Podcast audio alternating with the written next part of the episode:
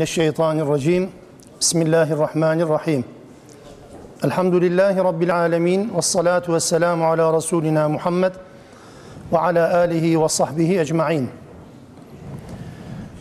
Rabbi şrah li sadri ve yessir li emri ve hlul uqdeten min lisani yefkahu kavli ve ufevvidu emri ilallah. İnnallaha basirun bil ibad. La havle ve la kuvvete illa billahil aliyyil azim. Alemlerin Rabbi olan Allah'a hamdü senalar olsun. Onun Resulüne, al ve ashabına, ehli beytine salatü selam olsun. Allah'ın rahmeti, bereketi, mağfireti, selamı ve selameti hepimizin üzerine olsun inşallah. Meryem suresinde Allah Teala'nın bazı peygamberlerden kısaca söz ettiği bölümleri okuyoruz. Bu surede zikredilen peygamberler dikkat edilecek olursa Meryem ve İsa'nın dışında, Zekeriya ve Yahya'nın dışında detaylı bir şekilde anlatılmıyor. Bundan sonra gelecek olan İbrahim, sonra Musa, sonra İsmail, sonra İdris çok kısa ifadelerle, atıflarla zikredilip geçiliyor. Çünkü bu sure peygamberlerin tevhid ve davet mücadelesini anlatmak için indirilen bir sure değil, Dahası peygamberlerin tebliğinin anlatıldığı sureler diğer ya da anlatıldığı sureler var. Diğer yerlerde bunların tamamen detayları anlatılır. Ama burada özellikle Meryem ve İsa, Zekeriya ve Yahya bağlamında bütün peygamberlerin, bütün nebilerin ve rasullerin beşer olduğuna, yani ilahlık vasfına sahip olmadığına, uluhiyeti hak eden bir varlık olmadığına Nebi ve Rasullerin üluhiyeti hak eden kişiler olmadığına dair atıflar yapılıyor sadece. Bu anlamda tebliğleri, davetleri detaylı bir şekilde anlatılma bu peygamberleri. İşte bu peygamberlerden bir tanesi de İbrahim aleyhisselam. İbrahim'in kitapta zikredilmesini emreden ayetle yani 41. ayetle dersimize başlayalım. Bismillahirrahmanirrahim. Vezkur fil kitabi İbrahim. Bu kitapta, bu vahide İbrahim'i de zikret, İbrahim'i de gündeme getir. İnnehu kana sıddikan nebiyye. Gerçekten İbrahim özü sözü doğru bir nebiydi. Özü sözü doğru bir nebiydi. İçiyle dışı aynı olan bir peygamberdi.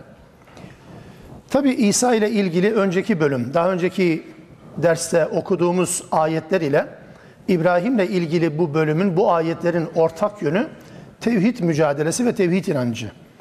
İsa Aleyhisselam'ın beşer olma özelliğiyle İbrahim'in beşer olma özelliği bu tebliğin, davetin ortak paydası elbette.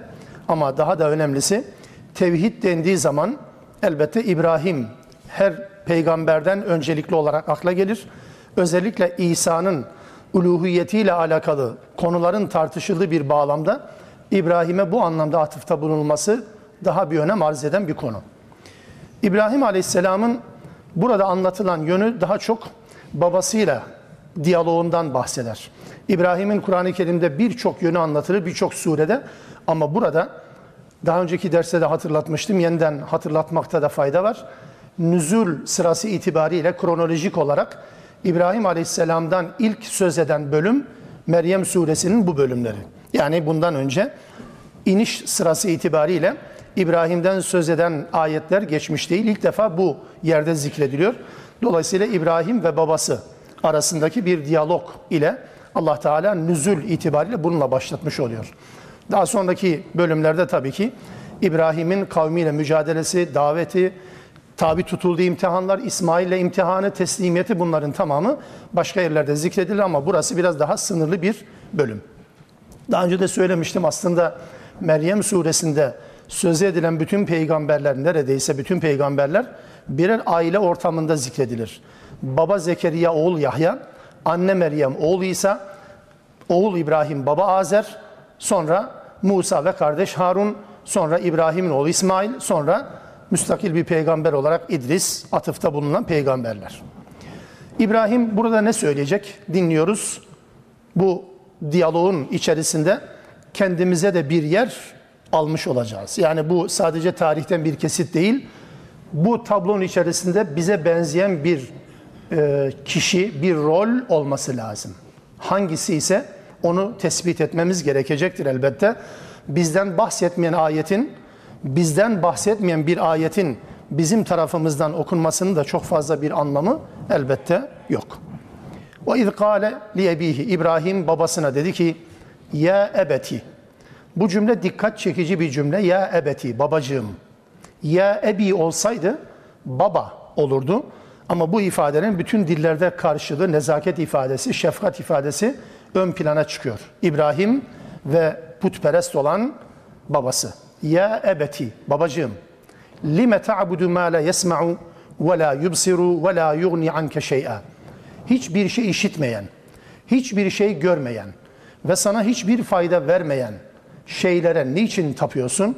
Niçin kulluk yapıyorsun böyle varlıklara? Yani bunun Türkçesi aslında, bunun Türkçesi şu.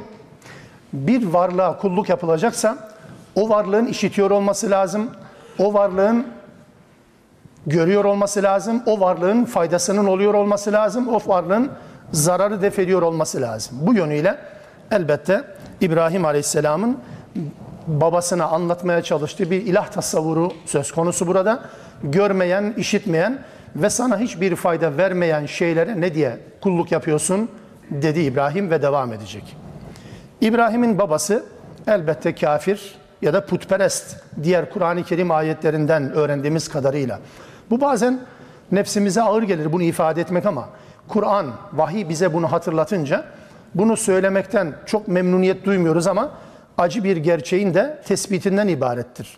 Bunu temize çıkarmanın da bir alem yok çünkü temize çıkaranlar var. Yani İbrahim Aleyhisselam'ın babasının müşrik olamayacağını, böyle bir peygamberin öyle bir babasının olamayacağı tezinden hareketle.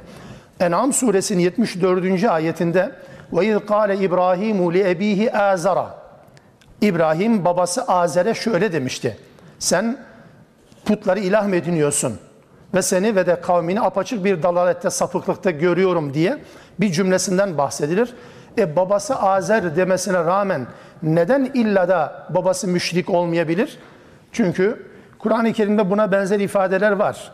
Amca ve baba birbirinin yerine kullanılır. Amca ve baba birbiri yerine kullanılan ifadeler olunca buradan hareketle bir efendim e, gerekçeyi tutturma adına yani burada da olsa olsa muhtemelen İbrahim'in babası dese de aslında İbrahim'in amcasıdır gibi bir temize çıkarma harekatı var, operasyonu var. Bu ayetle ilgili. Oysa Kur'an-ı Kerim'in sadece babasının putperest olduğundan söz eden sadece bu ayet yok. Başka ayetlerde de babasıyla bu mücadelesinin anlatıldığı yerler, konular anlatılır zaten başka ayetlerde. Dolayısıyla bunu zorlamanın fazla bir alemi de yok. Babası müşrik, azer ve putperest. Azer ismi tartışılabilir. Kur'an-ı Kerim bu ismi bu şekilde ifade eder. Ama neticede İbrahim'in babası böyle. Buradan hareketle bazen de görüyoruz. Mesela bir hadis, Müslim'de geçen bir hadiste, iman bölümünde geçen bir hadiste Allah Resulü'nün kendi babasının da cehennemlik olduğuna dair vurgusu kimi hadis şerhleri ya da şarihleri tarafından yoruma tabi tutularak aslında peygamberin babasının müşrik olamayacağı bu anlamda tez olarak savunulmaya, ispat edilmeye çalışılır. Aynı gerekçeyle. Yani böylesine büyük bir peygamberin öylesine bir babasının olamayacağı tezini savunmak adına ama hadis çok açık ve net. Allah Resulü sallallahu aleyhi ve sellem bir mecliste ashabıyla birlikte otururken birisi gelir ya Resulallah der. Benim babam nerededir? Herkesin bir şeyler sorduğu bir ortamda. Benim babam nerededir diye sorana Allah Resulü dedi ki cehennemdedir. Yani cahiliye döneminde ölmüş, inanmadan öldüğü için cehennemdedir demişti. Bunun üzerine adam dönüp gidince Resulullah kendisini çağırarak benim babam da senin baban da cehennemdedir buyurmuştur. Buna rağmen bu hadisin şerhinde görüyoruz ki zorlama olduğunu ifade edeyim altını çizeyim konu bu değil ama bir efendim bilgi kirliliğini de düzeltmeye belki yardımcı olur düşüncesiyle bunu söylüyorum. Bu konuyla ilgili açıklama yapanlar Hazreti Peygamber'in babasının mezarına peygamber olduktan sonra gittiği, mezarında ona dini davet ettiği, dini tebliğ ettiği ve babasının Allah'ın lütfuyla, mucizeyle bir nevi diriltildiği, sonra da iman etti ve tekrar yerine yattığına dair akla hayale gelmedik bir takım e, bilgilerle, bir takım rivayetlerle, rivayet değil aslında, bir takım e, anlatımlarla mesele ispat edilmeye çalışılır doğrusu. Bunların hiçbirisinin dayanağı yok. Sadece ve sadece iyi niyetten kaynaklanan bir temenni, yani peygamberin babasını müşrik olarak ölmemesi temennisinden ibaret olan bir efendim e, teşebbüstür, bir yorum metodudur. Ama Allah Resulü bu hadiste bunu söyler. Bu hadisten ne anlaşılacaksa herhalde herkes yani bunu anlamak için iyi bir metodoloji bilme de gerek yok diye zannediyorum. Dolayısıyla bu ilk ve son değil. Yani bir salih insanın müşrik bir babası olabildiği gibi bir peygamberin müşrik oğulları da olabilir. Bir peygamberin müşrik karısı da olabilir. Bir kadının müşrik kocası da olabilir. Bunların örneklerinin tamamını Kur'an-ı Kerim'de bulmak mümkün. Hepsinin örnekleri açık ve seçik bir şekilde var. Bu mesele böyleyken buna rağmen özellikle putperestliğini Kur'an-ı Kerim açıkça tescil etmiş olmasına rağmen İbrahim'in bu diyalogda özellikle babasıyla olan konuşmasında ya ebeti ifadesi, babacığım diye çevirdiğimiz ifadesi gerçekten üzerinde durmaya değer. Neden? Bu kadar azılı, bu kadar azgın bir müşrik olmasına rağmen oğlu olmasını dikkate almadan inandı diye cehennem ateşine ya da dünyadaki ateşe diyelim atmayı göze alan bir babaya rağmen, bir yapıya rağmen İbrahim Aleyhisselam'ın şefkati elden bırakmaması gerçekten bugünün Müslümanlar olarak üzerinde düşünmemiz gereken bir husus. Çünkü çokça şahit oluyoruz ki annesini ve babasını dışlayanlar inanmıyor diye ya da kendisi gibi düşünmüyor diye kendisinin tevhidi anlayışına sahip bir tevhidi anlayışa sahip olmadı diye anlatabiliyor muyum? Ya da kendisinin okuduğu birkaç kitaptan hareketle annesini dışlayanlar, babasını dışlayanlar İbrahim'in bu bölümünü biraz daha yakından okumak zorundalar. Acaba bu arkadaşların, bu kardeşlerimizin anneleri ya da babaları İbrahim'den daha mı azgındır diye sormamız lazım. Dolayısıyla böylesine azılı bir müşrikin İbrahim tarafından yine saygı ve nezaketi elden bırakmadan babacığım diye ifade edilmiş olması gerçekten üzerinde Müslümanların düşünmesi gereken bir cümle yapısı. İbrahim sadece burada da değil, bütün konuşmalarında muazzam bir nezaket örneği verir. Mesela şu Ara suresinde İbrahim aleyhisselam Allah'a derdini arz ederken, Allah'la konuşurken, içini dökerken Allah'a orada şöyle bir cümle daha geçer. Ve izâ merittu fehuve yeşfîn. Hasta olduğum zaman şifa veren odur. Yani ne var burada? Anormal ya da sıra dışı ne var ki burada? فَاِذَا مَرِدْتُ وَاِذَا مَرِدْتُ فَهُوَ يَشْف۪ينَ Şifa veren dediği zaman Allah'a isnat eder şifayı ama hastalık, evet hastalık da Allah'tandır. Yani dert de derman da şifa da Allah'tandır. Bunu herkes bilir, İbrahim de bilir. Ama hastalığın hastalığını şu cümleyle ifade etmiyor bakınız. Beni hasta eden de sensin, şifayı veren de sensin demedi. Ya hasta olduğum zaman şifayı veren de o. Bu Allah'la bir diyaloğun hangi kurallar, hangi nezaket çerçevesi içerisinde olacağını da İbrahim üzerinden öğreten cümleler olsa gerek. Dolayısıyla İbrahim böylesine bir babaya karşı şefkat ifadelerini elden bırakmıyor. Her cümlenin başında neredeyse ya ebeti ayet 43 babacığım inni kad cani minel ilmi ma lem ye'tike sana gelmeyen bilgi bana geldi. Yani vahiy verildi, peygamberlik verildi bana. Senin olmayan, senin elinde olmayan bir bilgidir bu bana lütfedilen Allah tarafından. Fettebi'ni öyleyse bana tabi ol. Ehdike sıratan seviyye. Seni dost doğru yola, düzgün bir yola ileteyim bana tabi ol. Evlat babasına bunu diyor. Bana tabi ol. Evlat babasına kendisine tabi olmasını istiyor. Olur mu tabii ki? Ya ebeti babacığım la ta'budu şeytan. Şeytana kul köle olma. İnne şeytane kâne lirrahmani asiyya. Çünkü Rahman'a isyan eden birisidir şeytan. Çünkü şeytan Rahman'a isyan eden birisidir. Şeytana kul köle olma. Ya ebeti babacığım inni ehafu en yemesseke azabu minarrahman. Eğer bu inancında ısrar edersen, bu putperestliğe şirke devam edersen sana Rahman'dan bir azabın dokunmasından korkuyorum.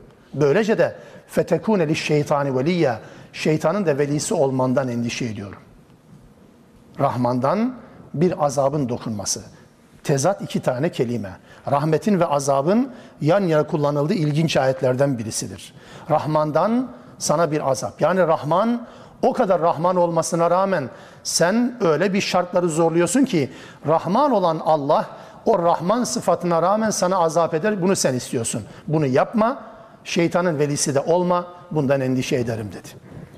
Bu cümleler bize şöyle bir konu üzerinde de düşünme fırsatı verir mi? Öyle bir kapı açar mı? Davete en yakından başlanır. Babaysa en yakın baba, evlatsa evlat en yakından başlanır. En yakın dururken uzaklardan başlanmaz. Ya da en yakın terk edilerek uzaklara gidilmez. En yakınlarla birlikte uzaklar tamam ama en yakınla birlikte en uzaktakiler tamam. Fakat yakınların terk edilmesi, ihmal edilmesiyle uzaklara bir davet, uzaklara yönelik bir davet yöntemi İslami de değil, nebevi de değil, ilahi de değil. Bu sadece insanların kendi duygusallıklarıyla ortaya koyduğu şeylerdir. Davet en yakından başlar. İlkin kimi cehennemden kurtarmak istiyorsun? İlkin kimin eziyet çekilmesin, eziyet çekmesinden kurtulmasını istiyorsun? Onu ön plana koymak lazım. Dolayısıyla burada yakından başlar.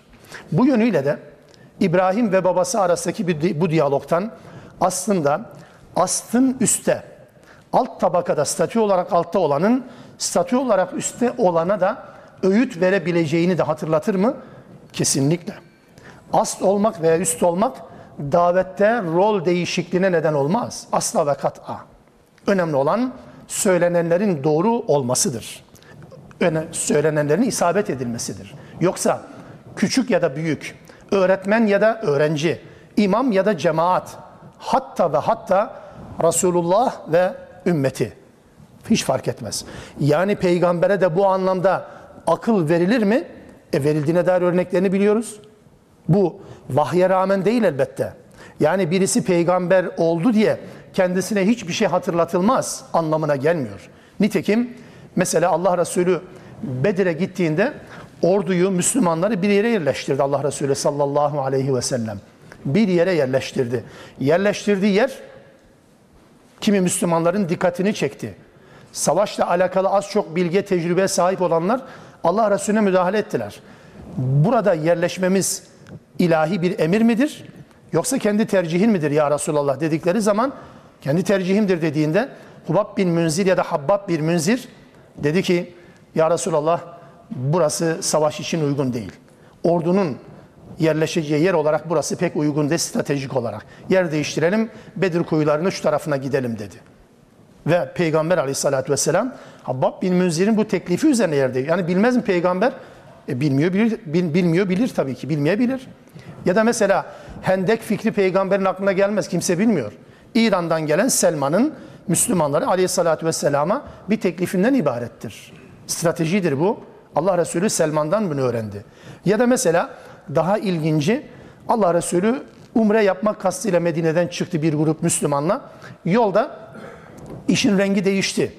İş savaş noktasına kadar geldi. Hatta beyat edildi. Yani ölümüne bir beyat, ölümüne bir sözleşme yapıldı. Çünkü müşrikler ihanet etmeye başlamışlardı ve Peygamber aleyhissalatü vesselam aslında umre sefer, umre niyetiyle yola çıktıklarından dolayı silah ve teçhizat yanlarında yoktu. Buna rağmen Müslümanlarla bir sözleşme, bir beyat yaptı. Beyatur Rıdvan, ağacın altında. Tahte şecerati de ifade edilir. Fetih suresinde o beyat yapıldı. Daha sonra tabii bir şekilde heyetler arası görüşmelerde bir anlaşma yapıldı. Hudeybiye anlaşması. Fetih suresinin konusu. Hudeybiye anlaşması yapıldı. Arkasından tabi umre niyetiyle yola çıkılınca işte kurbanların, hayvanların kesilmesi gerekiyordu. Allah Resulü Müslümanlara söyledi bunları kesin şükür kurbanı gibi en azından öyle, o düşünceyle söylenmişti. Ve Müslümanlar peygamberi dinlemediler. Dinlememeler nedeni ya biz haklıyız. Haksız duruma düştük. Anlaşmanın maddelerinin birçoğu bizim aleyhimize. Hak dinin mensupları olmamıza rağmen müşriklere biz prim veriyoruz. Müşriklere adeta avantaj sağlayan maddeler diyerek başta Hazreti Ömer olmak üzere kükremişlerdi. Allah Resulü kurban kesin dedi. Kimse dinlemedi. İsyan değildi bu. Yani bu işin bitmesi aşamasıydı. Allah Resulü'nün yaptığı anlaşmanın biraz da sindirilmesi noktasında zorlanıyorlardı. Ümmü Seleme annemiz Peygamber aleyhissalatü vesselamla birlikte sefere katılmıştı. Allah Resulüne bir fikir verdi. Dedi ki ya Resulallah söyleme gerek yok. Sen çık hayvanını kes. Herkes keser. Çıktı öyle yaptı. Garibimin aklına da hiç mi gelmemişti diyebilirsiniz. Ümmü Seleme'nin fikriyle bu yapıldı. Bu ne demektir? Demek ki bir hoca olarak öğrencimiz bize bir yönlendirici bilgi verdiği zaman ya haddini bilsen kimsin deme hakkınız yok. Ya da adam allame, adam profesör, adam alim, adam müştehit hasbel kader bir konuyla alakalı o konuyla alakalı bilgi göz ardı etmiş. Aklına gelmemiş. O inceli düşünememiş olabilir. O inceli düşünen herhangi bir insan ona hatırlattığı zaman şöyle mi diyecekti? Sen kimsin? Tahsilin ne? Eğitimin ne? Durumun ne? Hangi iş yapıyorsun? Mesleğin ne mi diye sorması lazım. Bilgi doğru mu? Doğruysa söylenin öğrenci olması, söylenin cemaat olması, söylenin falan ve feşmekan statüde olmasının hiçbir kıymet harbiyesi yok. Önemli de değil. Dolayısıyla burada evet as üstte bu anlamda davette bulunur İbrahim Aleyhisselam'ın yaptığı da bu. Babasına gerçekleri söyledi ve bu gerçekleri söylemek öyle şu anda anlattığımız gibi değil. Biz bize bunu anlatırken bile bazen zorlanıyoruz. Düşünün ki bunları ilk defa duyan bir insan. İlk defa düzeni değiştiren, düzeni değiştiren, değerleri alt üst eden, toplumun değer yargılarını tamamen hiçe sayan, göz ardı eden bir teklif, bir aslında davettir bu İbrahim'in söylediği. Öyle basit bir cümle değil ki. Bunun üzerine İbrahim'in babası dedi ki, kâle, erâgibun ente an âliheti ya İbrahim. İbrahim dedi. Hadi o da yavrucum deseydi değil mi? İnsanın aklına gelir. Ya bu kadar sabahtan beri sana yalvarıyor. Ya babacığım, babacığım diye. Ha bir de sen de yavrucum desene yok. Bu Müslüman farkı bu zaten. İbrahim dedi. Sen dedi benim ilahlarından yüz mü çeviriyorsun? Leillem tentehi. Hadi bununla da kalsa. Leillem tentehi. Eğer bundan vazgeçmezsen, bu iddianı sonlandırmazsan le arcumenneke. Seni taşa tutarım, taşlarım elbette. Vehcurni meliyya. Ve beni terk et. Benden uzak dur. Yani gözüm seni görmesin Türkçesiyle. Dedi İbrahim oğul İbrahim'in babası oğul İbrahim'e bunu söyledi. Kal. İbrahim'in cevabına bakın. Dedi ki İbrahim selamun aleyk. Selam sana. Selametini istiyorum. Selamete ermeni istiyorum. Allah'a rahmete, Allah'ın rahmetine ulaşmanı, onu hak etmeni, onu elde etmeni istiyorum senin. Seestağfiru leke Rabbi. Ben buna rağmen, her şeye rağmen senin için Rabbimden bağışlanma dileyeceğim. İnnehu kâne bihafiyye. Çünkü Rabbim bana çok lütfedendir, çok merhamet edendir, çok şefkat edendir. Yani beni kırmaz demek sanki. Ve atezilukum ve sizi de bırakıyorum. Ve ma ted'un min dunillah ve Allah'ın yanı sıra Allah'ın dışında taptıklarınızı da sizi de terk ediyorum. Kulluk yaptıklarınızın hepsini terk ediyorum. Ve ed'u Rabbi ve Rabbime sadece dua edip kulluk yapıyorum. Asa ella yekune bi duai Rabbi şakiyya. Umulur ki duam Rabbim tarafından cevapsız bırakılarak mahrum olmam. Aynen Zekeriya'nın yaptığı gibi. Umarım ki duam kabul edilmeyerek, cevapsız bırakılarak mahrum edilmem. Umarım bunu Rabbimden. Evet, İbrahim babasının bu tehdidine rağmen selam ile mukabele etti. Selam, yani selam vermek, kafire selam vermekle alakalı bir ifade değil bu kelimenin evet yani selam bu anlamda kullanılır ama sadece bu anlamla sınırlandırılma imkanı yok. Hatta mesela görebildiğim bir yanlışı da bunun üzerinden düzeltelim. Hani Furkan suresinde Rahman'ın kullarından bahsederken ve ibadur Rahman Rahman'ın kulları şöyledir der. Ellezine yemşûne alel ardı hevnen. Yeryüzünde hevnen yürürler. Yani vakarlı yürürler. Yani ağırbaşlı yürürler. Ve izâ khâtabahumul cahilûne kâlu selâma.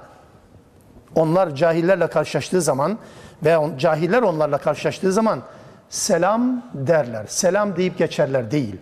Deyip geçme burada yok. Nereden çıkarıldı ben anlamadım. Selam deyip geçerler yok. Ne demek selam deyip geçerler? Yani aldırmadan geçerler. Bir dakika. Cahille karşılaşıyorsan ona bir takım şeyler söylemen gerekmeyecek mi? Selam deyip geçmek aldırmamak demektir. Bu ifade yanlış. Böyle bir çeviri de zaten yok cümlelerde. selam derler. Tıpkı ne gibi? Tıpkı İbrahim'in babasına söylediği gibi. Selam deyip geçti mi? Yoksa selam deyip anlatmaya devam etti. İşte bu selamın anlamıdır. Gerçek anlamı budur. Yoksa sadece basit bir selamun aleyküm aleyküm selam meselesi değildir. Bu Müslümancasıdır. Elbette Müslümanlar birbirlerine bu selamı verirler. İşin aslına bakarsanız temelinde de bu var. Bir Müslümanın diğerine selam vermesi benden sana tehlike gelmez. Onun selam alması benden de sana tehlike gelmez. Benden emin olabilirsin, benden de emin olabilirsin. Ben de teslim olmuşum, e ben de teslim olmuşum.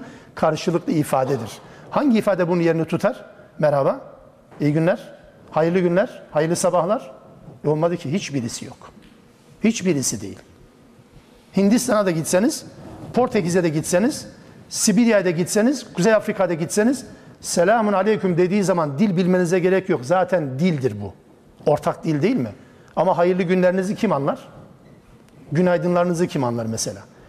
Selam bu anlamda bir paroladır elbette ama sadece ve sadece bir selamun aleyküm aleyküm selam ifadesinden ibaret değildir. İbrahim'in bu dua cümleleri babasına yönelik bu kadar azgınlığına rağmen İbrahim'in babası için istiğfar ifadeleri Kur'an-ı Kerim'in de bir konu olarak ele aldığı bir mesele. Ve ilginçtir. İbrahim Aleyhisselam'ın Kur'an'da anlatılan bütün tavırları, bütün konuşmaları, bütün hareketleri, tebliğde uyguladığı bütün yöntem Kur'an tarafından örnek olarak anlatıldığı halde bir tek İbrahim'in İbrahim'in bir tek babasına senin için Allah'tan bağışlama dileyeceğim sözünü Müslümanların örnek almaması istenir. Bu İbrahim'in örnek alınacak davranışları kapsamından çıkarılır. Rabbimiz böyle ifade eder. Nerede? Mumtahine suresinin dördüncü ayetinde. Mesela diyor ki Allah Teala قَدْ كَانَتْ لَكُمْ اُسْوَةٌ حَسَنَةٌ ف۪ي İbrahim'e وَالَّذ۪ينَ مَعَهُ İbrahim ve beraberinde olanlar. Yani beraberinde derken davasıyla birlikte olanlarda sizin için örnek var. Güzel örnek. Üsve-i hasene. Ve Kur'an-ı Kerim'de bu kelime üsve-i hasene bir İbrahim için kullanılır. Özellikle ve bir de Hazreti Peygamber için kullanılır. Bütün peygamberler örnektir, modeldir, rehberdir.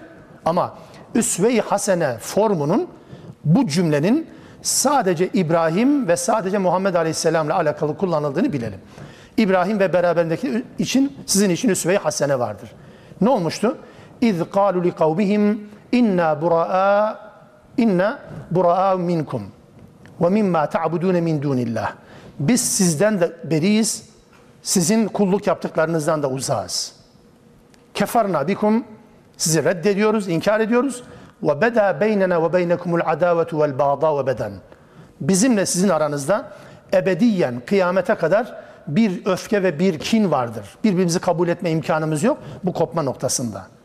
Hatta tu'minu billahi vahde. Allah'a iman edinceye kadar. Aramızda bu kin düşmanlık olacak. İbrahim ve beraberindekiler kavmine bunu söylemişti. Bu örnektir ama sadece illa kavle İbrahim liyebihi la estağfiranne lek. Sadece İbrahim'in babasına ben senin için Rabbimden istiğfar dileyeceğim sözü hariç.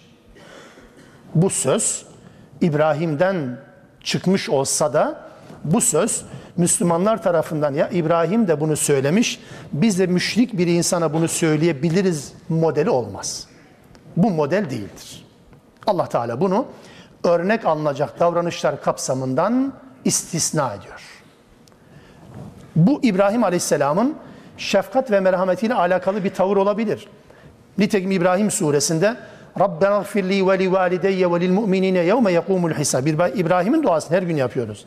Beni bağışla, anne babamı bağışla, müminleri bağışla dediği duadır bu. Ya da vagfir li ebinnehu kâne mineddallin. Babam sapık insanlardandır, sapkınlardandır. Şu Ara 86'da olduğu gibi babamı da bağışla ya Rabbi diye dua etmiş İbrahim. Buna rağmen bu duaların hiçbirisi bir Müslüman için bir müşrik ebeveyne dahi, müşrik bir yakına dahi yapılamayacak dualardan birisidir. E peki nereden çıktı bu? Madem örnek alınmayacaksa İbrahim niye bunu söyledi? Kur'an-ı Kerim bunu çözer. Kur'an-ı Kerim bunu çözer elbette. Şöyle bir seyir izleyelim isterseniz. Küfür üzere ölenler için istiğfar yasaklanmış mesela. Tevbe suresinin 113. ayetinde. Ma kâne lin nebiyyi vellezine amenu. İman edenlere de peygambere de yakışmaz. Ne yakışmaz? En yestağfiru lil müşrikin. Müşrikler için bağışlama dilemeler yakışmaz. Peygambere de, müminlere de. Velev kâne uli kurba. Velev ki yakınları bile olsa. Müşrikler için bağışlama dileyemez peygamber ve müminler. Min ba'di ma tebeyyene lehum ennehum ashabul cahim. Ashabul cahim oldukları ortaya çıkınca, kafir olarak öldükleri netleşince bunlar için bağışlanma dilemesi yakışık olmaz. Zalimler için duada peygambere özellikle yasaklanmış mı? Yine Tevbe suresinin 80. ayetinde mesela İstağfir lehum ev la testağfir lehum in testağfir lehum seb'ine marraten felen yagfirallahu lehum. Onlar için ister bağışlanma dile, ister dileme. Sen onlar için 70 kez bağışlama dilesen de Allah onları bağışlamayacaktır. Len yagfirallahu lehum. Bağışlamayacaktır. Peygamber bağışlamak için dua edecek. Allah Teala diyor ki sen bağışlama dileyemezsin Allah bağışlamayacaktır. Boşuna dua etme. Peygamberin birilerinin bağışlanması için yapacağı dua daha dünya hayattayken Allah tarafından reddedilmiş. Ahirette garantisinden bahsetmeyin o zaman. Olabilir ama olmayabilir. Peygamberin bağışlama için yaptığı dua dünyadayken reddedilmiş. Yapamazsın. Allah Teala'nın razı olmadığı kişiler için. Peki İbrahim neden dua etti? İşte bunun çözümü de yine Tevbe 114. ayet-i kerimede ortaya çıkar. 113'ün hemen arkasından kafirlere dua etmek ya da müşrik olarak ölenlere dua etmek bir peygamber ve mümine yakışmaz dedikten sonra peki İbrahim o ma kana istiğfaru İbrahim eliyebihi illa an mev'idetin va'adaha iyyah. Ona vermiş olduğu bir sözden kaynaklanıyordu. Ben senin için istiğfar dileyeceğim demişti ya. Bu sözünden dolayıydı. Felemma tebeyyene lehu. Peki devam etti mi? Yani sürekli bu duayı yapmaya devam etti mi? Hayır. Başta bunu yaptı, verdiği sözü yerine getirmek adına. Felemma tebeyyene lehu ennehu aduvun lillah. Onun Allah düşmanı olduğu netleşince teberra minhu ondan uzaklaştı. Bu cümle önemli. Tevbe 114. ayet. İbrahim bir söz vermişti. Bu sözünü yerine getirmek adına istiğfarda bulundu. Ama ila nihaye sonsuza kadar bu duaya devam etti mi? Asla ne zamanki babasının kafirlerden olduğu, Allah düşmanı olduğu netleşince İbrahim bu duaya son verdi.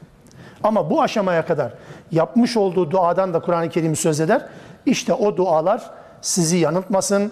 İbrahim de müşrik babasına dua etmiş. Biz de müşrik birine dua edelim. Allah rahmet eylesin, Allah taksiratını affetsin gibi kendisine dua etmeyene dua etmeyin. Kendisine dua etmeyene dua etmeye gerek yok bu yönüyle. Hayatını cehennem yolunda harcamış, tüketmiş olan bir insan için geride kalanların dua etme lüksü yok. Tabii bu kafir olarak ölenler için söylüyoruz. Din düşmanı olarak ölenler için söylüyoruz. Yoksa herkesin kusuru vardır. Kusurlu, günahlı olarak velev ki büyük günah olsa bile bu şekilde ölenler için söylemiyorum elbette. Din düşmanı olduğu belli olan bir insan için adını sanını zikretmek, dua okumak, rahmet okumak bir Müslümanın en azından İbrahim'e yaptığı bir ihanettir. İbrahim'e yaptığı bir ihanettir. Kur'an-ı Kerim meseleyi bu şekilde değerlendirmemizi ister. Dedi İbrahim bunu. Ben bırakıyorum sizi terk ediyorum gideceğim dedi. Gitti mi? Tabii ki. فَلَمَّا اَعْتَزَلَهُمْ وَمَا يَعْبُدُونَ مِنْ دُونِ اللّٰهِ İbrahim onları da Allah'tan başka dua ettikleri, kulluk yaptıkları varlıkları da, putları da, insanları da terk edince وَهَبْنَا لَهُ İshak ve Yakub Ona biz İshak'ı lütfettik. İshak'ı lütfettik. İshak'tan sonra da İshak'ın oğlu olarak İbrahim'in torunu, torunu olarak Yakub'u bahşettik. Ve kullen cealna nebiyya. Ve hepsi hepsinde peygamber yaptık. Hepsinde peygamber yaptık, nebi yaptık. Yani İbrahim'den sonra gelen bütün çocukları neredeyse Allah Teala tarafından peygamber yapılan, nebi yapılan kişiler de bunlar. İbrahim'in zürriyetinden geldiler. Vehebna lehum min rahmetina ve cealna lehum lisana sıdkın aliyya. Ve onlara rahmetimizi lütfettik. Rahmetle burada kastedilen mal mülk olabildiği gibi vahiy de rahmetin en geniş, en muazzam yönüdür elbette. Ona rahmetimizi verdik. Onlara yani bunların tamamına vahiy verdik, mal, mülk, evlat verdik. Ve de aynı zamanda kıyamete kadar da bütün bunların İbrahim ve ailesinin neslinin saygıyla anılmalarını, yad edilmelerini yani bu kubbede baki kalan hoş sada derler ya. O anlamda kıyamete kadar da bunların adı sanını zikredilir hale getirdik. Kıyamete kadar. Veya şöyle de anlaşılabilir. Doğru olanı başkalarına ulaştıracak üstün bir anlatım gücü bahşettik hepsine. Allah Teala peygamber yapınca Allah'ın dinini, vahyini insanlara muazzam bir şekilde anlatacak bir yetenekle donattık onları anlamına da gelir. Ama birinci anlam daha doğru. Yani kıyamete kadar saygıyla anılmalarını Allah Teala bir lütuf olarak sağlamış. İbrahim Aleyhisselam babasına karşı bu hatırlatmasını, son uyarını yapınca bırakacağım, gideceğim deyince de bıraktı gitti ama öyle bir rahat bırakma değil elbette. Mesela Ankebut suresinin 24, 25, 26. ayetlerinde bakıyoruz İbrahim böyle elini kolunu sallayarak çıkmamış. Öyle müsaade etmek yok. Yapmamışlar bunu. Ya İbrahim Aleyhisselam'ı ateşe atmakla önce tehdit etmişler. Vazgeçmeyince bizatihi ateşler hazırlanmış. Ateşe atılmış. Ateşe atılınca da Allah Teala kuni bardan ve selamen ala İbrahim. Ey ateş serin ve selamet ol. Hem serin ol hem selamet ol ifadesiyle ateşten etkilenmeden kurtulmuş ve artık bu memlekette artık yaşanmaz kararı verilince Allah tarafından da kendisine ruhsat verilince memleketini terk etmiştir. Tabi Lut'la birlikte.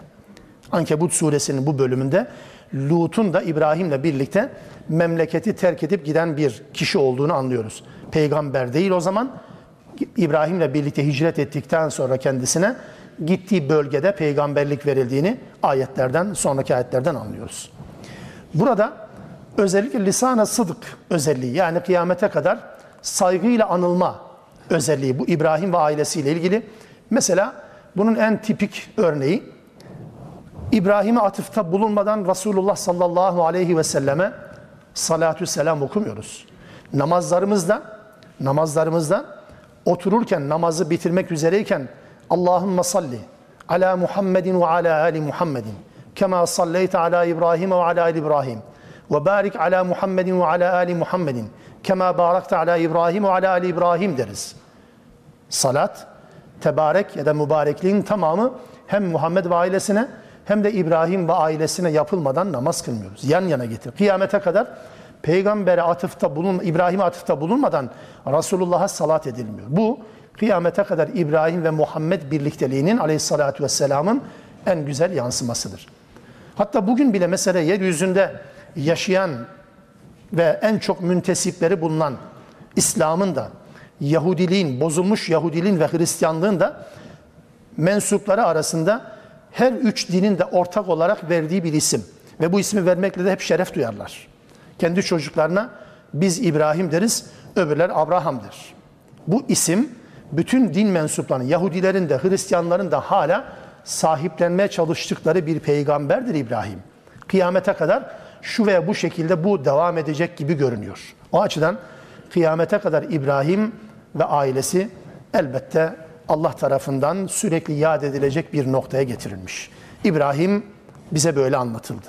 Bir örnek alınacak bir peygamber babasıyla birlikte, kavmiyle birlikte ama daha çok babasıyla diyaloğu bağlamında örnek alınacak bir peygamber. Sadece bu mu? Hayır. وَذْكُرُ fil kitabi Musa. Kitapta Musa'yı da zikret. İnnehu kâne muhlasan ve kâne rasûlen nebiyya. Musa'yı da gündeme getir. Gerçekten Musa seçkin, muhlas kelimesi bir de muhlis var. Muhlis, ihlaslı, samimi. Ama muhlas olduğu zaman seçilmiş demektir. Harekenin değişmesiyle anlam bir anlam değişikliği var. Seçkin, muhlis kelimesi şekli okursanız da samimi bir kul idi. Allah tarafından gönderilmiş bir Resul Nebiydi. Resul ve Nebiydi demiyorum, demiyorum, bilerek demiyorum çünkü atıf harfi yok. Ve kâne rasûlen nebiyya. Yani cümle şöyle değil. Ve kâne rasûlen ve nebiyya değil. Resul nebiydi. Birbirinin devamı, birbirinin tamamlayıcısı iki kelimedir. Yani şu ve şu değil. Resul ve Nebi ya da hem Resul hem Nebi şeklinde tercüme edilir. Hayır. Rasulen Nebiyya. Allah tarafından gönderilmiş bir nebiydi. Allah tarafından elçilik verilmiş bir nebiydi. İkisinin birlikte kullanılması anlamında bunu izah edeceğim birkaç cümleyle. Ve nadeynahu min canibit turil eymen. Tur Dağı'nın sağ tarafından ya da eymen kelimesi bereket anlamına da gelir. Ashabul meymene kitabı sağdan verilen olduğu gibi uğur ehli anlamına, bereket ehli anlamına da kullanılır. Yemin, meymene. Bazen biz Türkçe'de kullanır meymenet. Ne demek meymenet? Uğur demektir. Meymenetsiz yani uğursuz demek. Kelime bu. Bilerek mi bilmeyerek mi kullanıyor millet ama kelimenin aslı bu yani. Canibet turil eymeni Tur'un bereketli tarafından ya da lafzi anlamıyla da sağ tarafından. Gerçi dağın sağından veya solundan bir önemi yok ki. Nereden seslenirsin seslenilsin. Dağın sağı ve solundan ziyade dağın bereketli tarafından Allah Teala diyor ki biz ona seslendik. Ve وَقَرَّبْنَاهُ نَجِيًّا Farklı ve özel bir konuşma için onu huzurumuza yaklaştırmıştık. Niye farklı ve özel bir konuşma? Çünkü Allah'ın Musa ile doğrudan konuşması hiçbir peygamberle yapılmamıştır. O konuşma gibisi yoktur. Vahiy aracılığıyla şu ve bu şekilde bir diyalog var Allah peygamber arasında ama Musa ve kellemallahu Musa teklima der. Yani Allah Teala basbaya bildiğiniz gibi Allah Musa ile konuştu. Yani Allah konuştu, Musa da dinledi. Nasıl mı? Nasılını bilmiyoruz ki. Musa da hayran kaldı. Ses var ya Rabbi biraz da görüntü ver dedi. Olmaz dedi artık. O ses meftun oldu Musa. Dedi biraz da görüntü ver de göreyim. Göremezsin dedi. Çünkü görme imkanın yok. Sesini işittirdi ama o konuştu Musa da dinledi. Eğer Musa bayılmasaydı, Musa ayıldığında Tur Dağı'nın ya da dağların parçalanmış olduğunu görmeseydi, biz de bugün isteyecektik ya ben de isterim Rabbimi görmeyi elbette ama bu imkansız. Musa üzerinden bunu bize anlattı Allah Teala. Onun için özel bir konuşma için, farklı bir konuşma için onu huzurumuza yaklaştırmıştık. Vehebna lehu min rahmetina ahahu Harun nebiyya. Rahmetimizin bir eseri olarak da kardeşi Harun'u da ona bir nebi olarak ihsan etmiştik. Kendisi istemişti. Kendisi istemişti. Yani bir nevi gideceği azgının Firavun'un üzerinde daha çok etkili olabilecek bir hitabet sahibi olarak Harun'u istemişti. Yoksa yani Musa'nın dilinde kekemelik vardı. Konuşamıyordu, derdini ifade edemiyordu. Böyle bir peygamberlik görev olmaz ki zaten. Bu sadece uydurma, sadece İsraili rivayetlerdir. Musa Aleyhisselam'ın konuşamaması, konuşma güçlüğü çekme söz konusu değil. Sadece gidilen kişinin Firavun olması. Bu işin biraz daha ciddi, biraz daha böyle hitabeti güç, e, per peygamber hitabeti farklı tabii ki. Mesela Şuayb Hatibül Enbiya'dır. Peygamberlerin hatibi olarak geçer. Niye? Hitabeti diğer peygamberlerden farklıdır. Mesela niye diğer peygamberler Davud'un sesi gibi sese sahip değil? Eksiklik mi ya da ayıp değil mi? Ya da Allah Resulü niye Davud gibi değil? E değil tabii. Herkesin ya da her peygamberin kendine ait bir özelliği var elbette bu yönüyle. Harun hitabetiyle ya da konuşmada etkisiyle Musa'nın yardımcısıdır. Yoksa Musa konuşamıyordu, kekemeydi. Efendim şöyle falan tarihte şöyle olmuştu. Hiçbir aslı yok elbette. Bunlar Kur'an-ı Kerim bunu ifade etmez zaten. Rabbi şrahli sadri ve yessirli emri vahlul ukdeten min lisani. Her gün bu dua, her zaman bu duayı yapıyoruz, başlıyoruz. Rabbim içimi rahatlat. Vahlul ukdeten min lisani. Dilimdeki düğümü çöz. Bu sözü söyleyen bir vaiz, bir hatip dili kekeme olduğu için bunu söylüyor. E Musa da aynısıdır. Değil yani. Böyle bir durum yok. Sadece konuşma noktasında Allah'ın yardımına olan ihtiyacını yansıtan bir cümledir Musa'nın söylediği cümle. O anlamda Harun kendi isteğiyle de Allah tarafından kendisine yardımcı olarak atanmıştır, nebi olarak. Musa ve Harun böyle. Allah'la konuşmuş olmak, yani Musa'nın Allah'la konuşuyor olması, konuşmuş olması ona uluhiyet vasfını vermeyi gerektirmez. Not. Meryem suresinin bağlamında bunun ifade edilmiş olması gerekir. Anlatabildim mi? Yani Allah'la birisi konuştu diye onu farklı bir yere koymanız gerekmiyor. Allah'la konuşmak uluhiyette pay sahibi olmak anlamına gelmez. Aynen İsa gibi, aynen Meryem gibi, aynen Zekeriya gibi, Yahya gibi. İşte bu anlamda Musa'nın Kur'an-ı Kerim'de en uzun anlatılan peygamberlerden birisi olduğunu biliyoruz. Ama burada kısacık üç ayetle bu bitti. Niye? Mesele onun tebliğini, davetini anlatmak değil ki.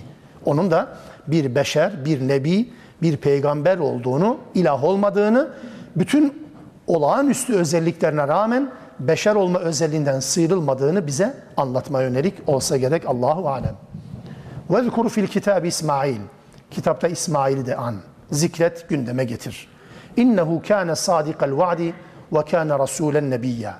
İsmail de gerçekten son derece verdiği sözde son derece bağlı biriydi. Sözünde duran birisiydi ve de Allah tarafından gönderilmiş bir Resul Nebiydi. Rasulen Nebiyya. Resul Nebiydi İsmail'de. Ve kâne ye'muru ehlehu bis salati ve zekati. Ehline, ailesine namazı ve zekatı emrederdi. Kâne inde rabbihi mardiyya. Ve Rabbinin rızasını kazanmış bir kimseydi. Rabbinin katında razı olunmuş bir fert idi İsmail teslimiyetiyle babasının kendisini kurban olarak adadığını ifade ettiği sırada teslimiyetiyle, itiraz etmeyişiyle, her şeyiyle bu anlamda İsmail muazzam bir örnek. Allah'ın rızasını kazanmış bir fertti. İsmail'i zikrederken ehline namazı ve zekatı emretmesine dair bir atıfta bulundu Rabbimiz. Daha önce de bu surede okuduğumuz ayetlerde mesela İsa'dan bahsederken İsa'nın dilinden şöyle bir cümle geçmişti hatırlatmak adına söyleyeyim. وَجَعَلَنِي مُبَارَكًا اَيْنَمَا كُنْتُ Nerede olursam olayım Allah Teala beni bereketli kıldı. Bana mübarek bir vasıf verdi. İsa beşikteyken konuşuyor. وَاُوْسَانِ بِالصَّلَاةِ وَالزَّكَاةِ مَا دُمْتُ حَيَّا Hayatta olduğum sürece bana namazı ve zekatı emretti, tavsiye etti Allah. İsa'da da var, İsmail'de de var. Bu ifade bize şöyle bir pencere açar.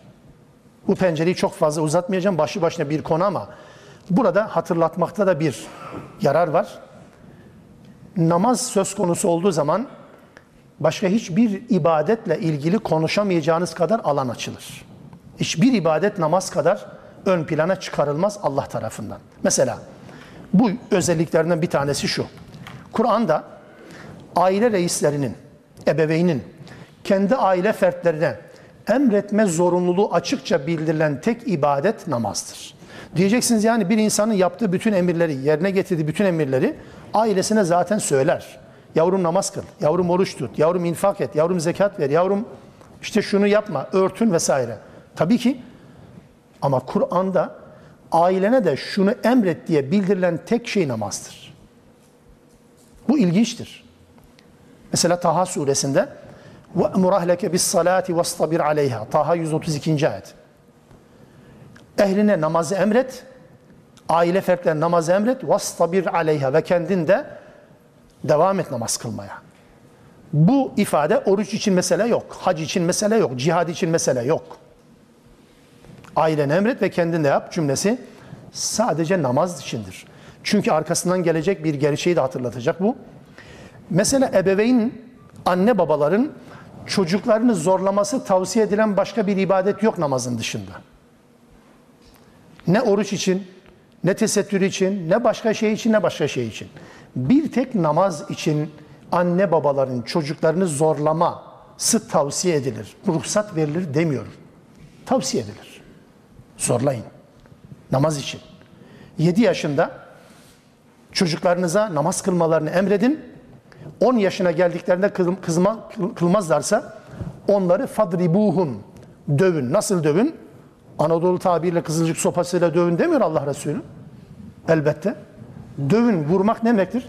Şöyle vurduğunuz zaman çocuklar eğer ebeveyn evlat ilişkisi normalse, rutinse şöyle yaptığınız zaman eline vurduğunuz zaman da çocuk sanki bir kurşun yemiş gibi ağlar mı, bağırır mı? Zannedersin ki sopa yedi. Öyle değil. Hafif sadece bir şaplak at. Budur yani.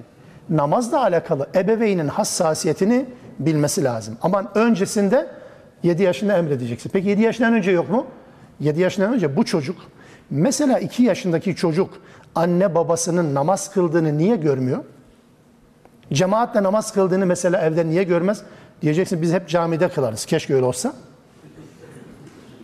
E, evde de görsün. Anne baba namaz kılarken 2 yaşındaki çocuk namazdan ne anlar demeyin. Vallahi öyle bir anlar ki onu kameraya alır da ifade etme gücü yok o yüzden zannedersin ki bir şey bilmiyor. Hepsini kayda geçirir. O yüzden ailesinde namaz kılınan çocuklarla evinde namaz kılınmayan çocuklar belli oluyor. 5 yaşına geldiği zaman, 6 yaşına geldiği zaman da oralı değil. Ama öbür tarafta 2 yaşındaki çocuk namaz kılıyor. Öğreniyor. Secde yapıyor, takla atıyor, rükû secdesi onda öyledir. Allah ondan hoşlanır herhalde. Budur yani. Niye? Bunu öğretmek zorunda. 3 yaşından, 4 yaşından itibaren bu çocuğun gördüğü namaz 7 yaşına geldiğinde emre dönüşür. 10 yaşına geldiğinde de elbette bunu yapar. yapar. Peki efendim pedagojik kurallara aykırıdır, kişisel gelişime aykırıdır. Efendim niye çocuğun bir derste başarı olduğu zaman dünyayı başına yıkıyorsunuz? Çocuğunuz bir dünyevi anlamda kayıba girdiği zaman moraliniz Karadeniz'de gemileriniz battıya dönüyor. Niye çocuklarınız namaz kılmadığı zaman o kadar mahzun, o kadar üzgün duruma gelmiyoruz? Bu namaza verdiğimiz önem ya da vermediğimiz önemle alakalı olsa gerek. Ama şu da var mesela. Ebeveynin evladıyla alakalı bir durumdur bu. Başkasıyla alakalı değil. Mesela bir evin içerisinde kardeşlerin kardeşleri bu anlamda zorlama hakkını veren bir kural yok. Kardeşin kardeşe, amcanın yeğene, hala dayı, teyzenin yeğenine öyle değil. Sadece ebeveynin kendi çocuklarına, kendi çocuklarına vermiş olduğu bir haktır ve bu da sadece ve sadece namazla alakalıdır. Oruç böyle değil, zekat böyle değil ya da örtülme böyle değil, değil, değil. Namaz ayrı bir şeydir. Çünkü namaz varsa İslam var, namaz yoksa zaten iş bitmiş demektir. وَذْكُرُ fil kitabı İdris. Daha sonra bunun tersini de söyleyecek Allah Teala. Yetiştirirsem inşallah onu da ifade edeceğim. وَذْكُرُ fil kitabı İdris. Kitapta İdris'i de an, İdris'i de zikret, İdris'i de gündeme getir. İnnehu kâne sıddîkan nebiyya. O da gerçekten özü sözü doğru bir nebiydi. Ve rafa'nâhu mekânen aliyya. Onu da İdris'i de çok yüce bir makama yükselttik. İdris'le alakalı Kur'an'da çok fazla detay yok. En detaylı yer işte burası neredeyse. İdris'in yüceltilmesi manevidir elbette, maddi değil. Çünkü bazı kaynaklarda okuyoruz. İdris aleyhisselam halen hayatta gökyüzünün bilmem hangi mertebesinde hayatı yaşıyor hala diye İlyas'la karıştırılan bir figürdür aslında bu. İlyas'ın hala yaşadığı o da evham da o da asılsız da İlyas'la İdris'i yan yana koymak suretiyle İdris'in de belli bir hayat mertebesine sahip olduğunu iddia eden kimi İslam alimleri var. Ama hiçbirinin aslı da yoktur. Bunu ne Allah'ın doğrudan söylediği bir cümledir ne de Allah Resulü'nün bu konuda söylediği bir cümledir bu. Sadece insanların sağdan soldan hurafelerle, uyduruk rivayetlerle geliştirdikleri bir sonuç bu. İdris'in maddi yani fiziksel olarak, beden olarak göğe yükseltildiği düşüncesinin hiçbir dayanağı yok bu anlamda. Bu yönüyle de mesela bakıyoruz İnşirah suresinde, İnşirah suresinde Allah Teala Peygamber aleyhissalatü vesselama hitaben de diyor ki وَرَفَعْنَا لَكَ ذِكْرَكَ senin de şanı yücelttik. Raf'a kelimesi illa da somut olması gerekmiyor. Maddi anlamda bir şeyin yukarı çekilmesi anlamına gelmiyor ki. Kur'an-ı Kerim bu kelimeyi manevi anlamda da kullanır. Dolayısıyla bunun bir dayanağı, ciddi bir dayanağı yoktur. Bu bölüm, okuduğumuz bu bölüm özellikle Musa, Harun, İsmail'den söz eden ve sonra İdris'ten söz eden bu bölümde bir yanlışın düzeltilmesi için de bir zemin olsun diye hızlıca söyleyeceğim. Daha önce belki derslerin girişi mahiyetinde birkaç şey söylemiştim ama biraz daha detaylandırmak suretiyle ifade edeyim. Resul ve Nebi kelimeleri arasında Kur'an-ı Kerim'de bir farkın olduğu varsayılır. Yani Resul ayrıdır, Nebi ayrı şeydir diye. Şimdi burada Meryem suresinde okuduğumuz bu bölümlerde bunun ne kadar imkansız ve ne kadar da dayanaksız olduğunu ifade etmeye çalışabiliriz. Resul genelde şöyle bir anlayış var. Resul yeni bir kitap ile gönderilen kişi, Nebi ise daha önce gönderilen kitapları tebliğ ile görevlendirilen kişidir. Yani tebliğ ile görevli ama daha önce gelen bir kitap, kendisine gelen yeni bir kitap değil. Eski kitabı nakleden bir kişiye Nebi ama kendisine gelmiş özel bir kitap varsa buna Resul denir. Ve buna örnek verilir. Mesela Musa'nın kitabı var, Resul'dür. Ve bunun üzerinde de mesela her Resul Nebidir ama her Nebi Resul olmayabilir. Yani Resul'de Nebi özelliği var ama Nebi'de Resul özelliği olmaz. Çünkü Nebi nedir? Kitap verilmeyendir. Bu ne kadar doğru? Burada özellikle Resul ve Nebi kelimelerinin mesela Kur'an'da genelde hep yan yana ve arada ve bağlacı olmadan geçer. Arapçada bunun anlamı şudur. Mesela ekmek ve su derseniz ekmek ve su ya da virgül yok bu arada. Cümle böyle geçmiyor Kur'an-ı Kerim'de. Bu az önce okuduğumuz ayetlerin hiçbirisinde Rasulen ve Nebiye ifadesi yok. Sadece Haç suresinde 52. ayet-i kerimede Rabbimiz şunu söyler. وَمَا أَرْسَلْنَا مِنْ قَبْلِكَ مِنْ رَسُولٍ وَلَا نَبِيٍّ اِلَّا اِذَا تَمَنَّ اَلْقَ الشَّيْطَانِ فِي اُمْنِيَّتِهِ Senden önce ne kadar Resul, ne kadar Nebi göndermişsek ona vahyedildiğinde mutlaka şeytanlar parazit yaparlar. Türkçesi bu. Şeytanlar vahiy ile peygamber arasına girer ve parazit yaparlar. Yanlışı ulaştırmak, peygambere yanlış söyletmeye çalışırlar. Vahiy aldıkları zaman. Şeytanların nebi ve rasullerle uğraşması bu. Peki sonra ne olur?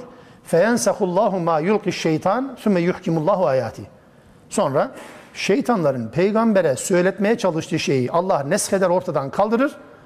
Ayetlerini muhkem hale getirir, öyle ulaştırır. Yani şeytanların bir çabası var ama başarısızlıkla sonuçlanır der Allah Teala.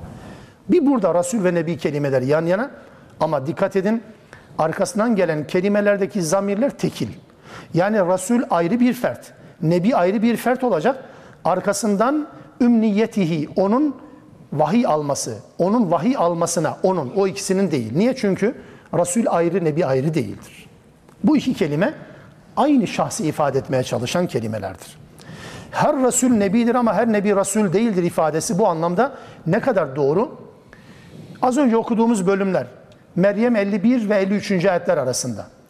Musa'dan bahsederken dedi ki وَكَانَ رَسُولًا نَبِيًّا Bu formül tuttu. Resul Nebi'ydi. Resul Nebi'ydi. Musa'ya yeni kitap verilmişti. Sonra Harun'dan bahsetti.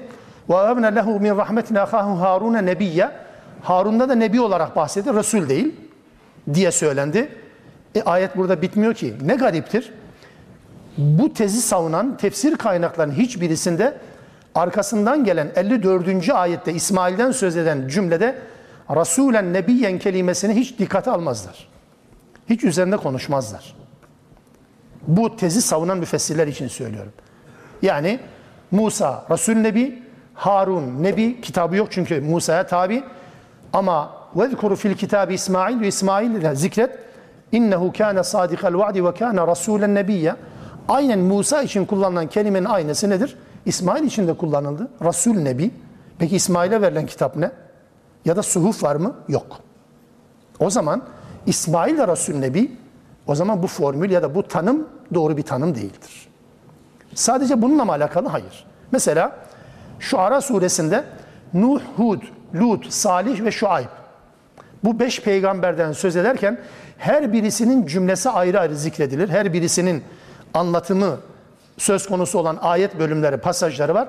Her birisi cümle başlarken diyor ki mesela Nuh onlara seslendi dedi ki inni lekum rasulun emin. Ben size gönderilen bir güvenilir elçiyim, Resulüm. Lut da aynısını söyledi, Resul. Hud da, Şuayb da, Salih de aynısını söyledi. Mesela Şems suresinde Fekale lehum Resulullah. Allah'ın Resulü onlara söyledi. Allah'ın Resulü kim? Salih. Dedi ki kavmine Semud'a Nakatallahi ve sukyaha. Allah'ın size vermiş olduğu bu mucize deveye karışmayın. İlişmeyin. Onun sulanmasına yardımcı olun. Deveye ilişmeyin dedi. Kim dedi? Resulullah dedi. Kim bu? Salih. Salih Resulullah mı? Kitabı ne? Veya sayfası var mı? Dolayısıyla bu formül ya da bu tanım Kur'an'la örtüşmez. Kelami tartışmalarda zikredilen bu ayrımın Kur'ani referansları yok kısacası. O zaman sonuç olarak şunu söyleyeyim. Resul ve Nebi kelimeleri aynı kişinin farklı iki özelliğidir. Aynı kişinin farklı iki özelliğidir. Ne demek bu? Resul olma, elçilik yapma. Yani bir nevi Allah'ın elçi olarak görevlendirilmesi itibariyle Resul. Nebi kelimesi bir kökü de haber vermedir. Nebe kelimesinden türer. Nebe'e haber vermek. Peygamber aynı zamanda Allah'tan aldığı bilgileri kendisine saklamaz ne yapar? Haber verir. Allah'ın elçi olarak görevlendirilmesi açısından her peygamber, peygamber Farsça bir kelime Türkçe'ye geçmiş. Her peygamber elçilik yapması açısından Resul, Allah'tan aldığı haberleri bilgi olarak insanlara aktarması açısından Nebidir. Dolayısıyla Kur'an'a göre her peygamberin sahip olduğu iki özellik Resul, Nebi kelimeleri. Risalet ve nübüvvet. Her Resul aynı zamanda Nebidir.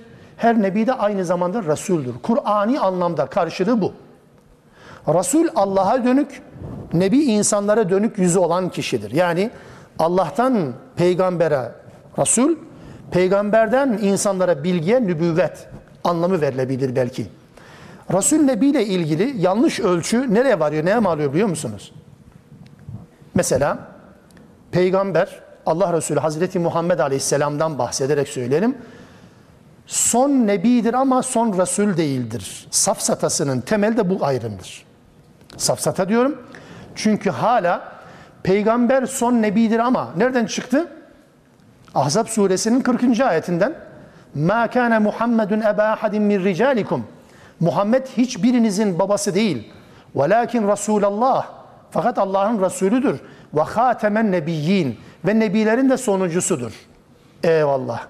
Peygamber Muhammed Aleyhisselam demek ki nebilerin sonuncusu ama rasullerin sonuncusu değil. Eğer siz o ayrımı yaparsanız elin adamı da böyle bir ayrımdan bir pay çıkarır kendine. Bana vahiy geliyor. Ben nebi, ben nebi değilim haşa diyor. Niye? Ben Resulüm. Ama Resul, hayır zaten Resul, son Resul değil Muhammed. Son nebidir. Ben nebilik iddiasında bulunmuyorum, Resullük iddiasında bulunuyorum. Ondan sonra vahiy gelir, kendisine gelen vahiy de insanlara yutturmaya çalışır ya da birileri yutar. Ayrımın, bu safsata ayrımın geleceği netice budur bakınız. Kur'an'ın ortaya koyduğu bir ayrım değil bu. O yüzden bu bölümü okurken bir de bu gözle bakın. İsmail de, Musa da, Harun da, İbrahim de hepsi de Resul Nebidir. Allah'ın gönderdiği bir elçi ve Nebidir, haber veren bir elçidir. Dolayısıyla bu ayrımın Kur'ani anlamda hiçbir referansı yoktur elbette. Ulaike işte bunlar, bu anlatılanlar اَلَّذ۪ينَ اَنْعَمَ اللّٰهُ عَلَيْهِمْ مِنَ النَّبِيِّينَ min zürriyeti Adem ve minhum ve mimmen hamalna ma'a Nuhin ve min zürriyeti İbrahim ve İsrail ve mimmen hedeyna ve iştebeyna. İşte bu zikredilen, bu seçkin insanlar ve buna benzer insanlar Allah'ın kendilerine nimet verdiği peygamberlerden yani Adem'in Nuh'la birlikte gemide taşıdıklarımızın zürriyetinden İbrahim'in ve Yakub'un yani İsrail'in soyundan gelen ve doğru yola ilettiğimiz, seçip yücelttiğimiz kimselerdendir bu kişiler. Yahya, Zekeriya, İbrahim, Meryem, İsa, Musa, İsmail, İdris bunların tamamı. Hepsi evet yücelttiğimiz kimselerdendir. İza tutla aleyhim ayatur rahmani Rahman'ın ayetleri onlara okunduğu zaman harru sücceden ve bukiyya. Onlar ne zaman Rahman'ın ayetleri okunsa ağlayarak derhal secdeye kapanırlar.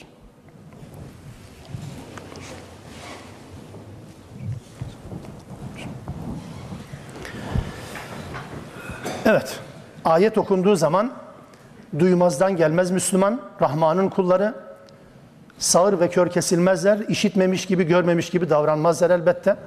Dolayısıyla bütün bu peygamberler bu tavrını ortaya koyduğu gibi bunu duyan biz de ya Rabbi biz de onlardanız. Bizi de onlardan say. Biz de onların safına katılmak istiyoruz. Edasıyla bu secde yaparız.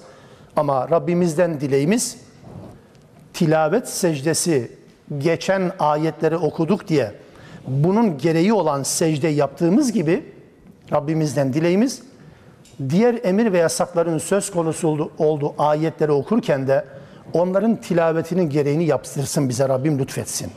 Yani infak edin dediyse infakın tilavetinin gereği infak etmek, faizden uzak kalın dediyse uzak kalmak, cihad edin, cehd edin dediyse cihad etmek, gayret etmek, şundan kaçının dediyse yalan söylemeyin dediyse yalan söylemekten kaçınmaktır. Aynen tilaveti tilavet secdesini gerektiren ayet okunduğu zaman yaptığımız iş neyse diğer ayetlerin gereğini yapmak da herhalde aynısını gerektirecektir. Burada Meryem'den, İsa'dan söz eden bu surede İbrahim, Musa, Harun, İsmail ve İdris'ten söz edilmesinin esprisine beşer olma açısından İsa ile diğer peygamberler arasında fark olmadığını bilin dedi Allah Teala. Şu ayeti de okuyarak dersi bitireyim. Birkaç dakikanızı alacağım ama فَخَلَفَ مِنْ بَعْدِهِمْ خَلْفٌ Onların ardından öyle bir nesil geldi ki اَضَاعُ الصَّلَاةِ namazı kaybettiler. Bu kelimenin çevirisi namazı terk ettiler değil. Tarakus salate değil, adaus salate. Ne demek? Zayi ettiler. Namazı heder ettiler. Namazı terk ettiler değil, reddettiler de değil. Ada'us salah. Namazı kaybettiler. Vettebe'uş şehevat. Namaz kaybolunca pratik olarak ne çıkar karşısına? Arzu ve isteklere tabi olur. Şehvet burada cinsel anlamda değil. Arzu ve isteklerin peşine takıldılar. Fesevfe yelkavne gayya. Böyle de olunca azgınlıkların cezasını bulacaklar. Namaz kılan bir nesilden sonra namaz kılmayan bir nesil mi? Ya da namazı kıldığı halde namaz kılmamış gibi davranan bir nesil mi? Kısaca bir sadece panorama sunayım. Ne demek kaybedilen namaz? Terk edilen namaz değilse bu. Kaybedilen namaz nedir? Mesela فَوَيْنُ musallini biliyorsun. Namaz kılanların vay haline. Kim o? اَلَّذ۪ينَ هُمْ عَنْ صَلَاتِهِمْ سَاهُونَ Namazlarından gafil olanlar. Veil onlara. Namazı terk edenlere değil. Onlara sıra gelmez. Nedir peki bu namazı kaybetmek? Mesela ciddiye alınmayan, sadece kılmanın kolay olduğu zamanlarda kılınan namaz, seferde ıskalanan, zor olduğu zaman savsaklanan namaz, kaybedilen namazdır. Yalana, gıybete, rüşvete, faize engel olmayan namaz, kaybedilen namazdır. Terk edilen olmasa bile. İnsanların arasındayken farklı, yalnız başınayken farklı kılınan namaz, kaybedilen namazdır.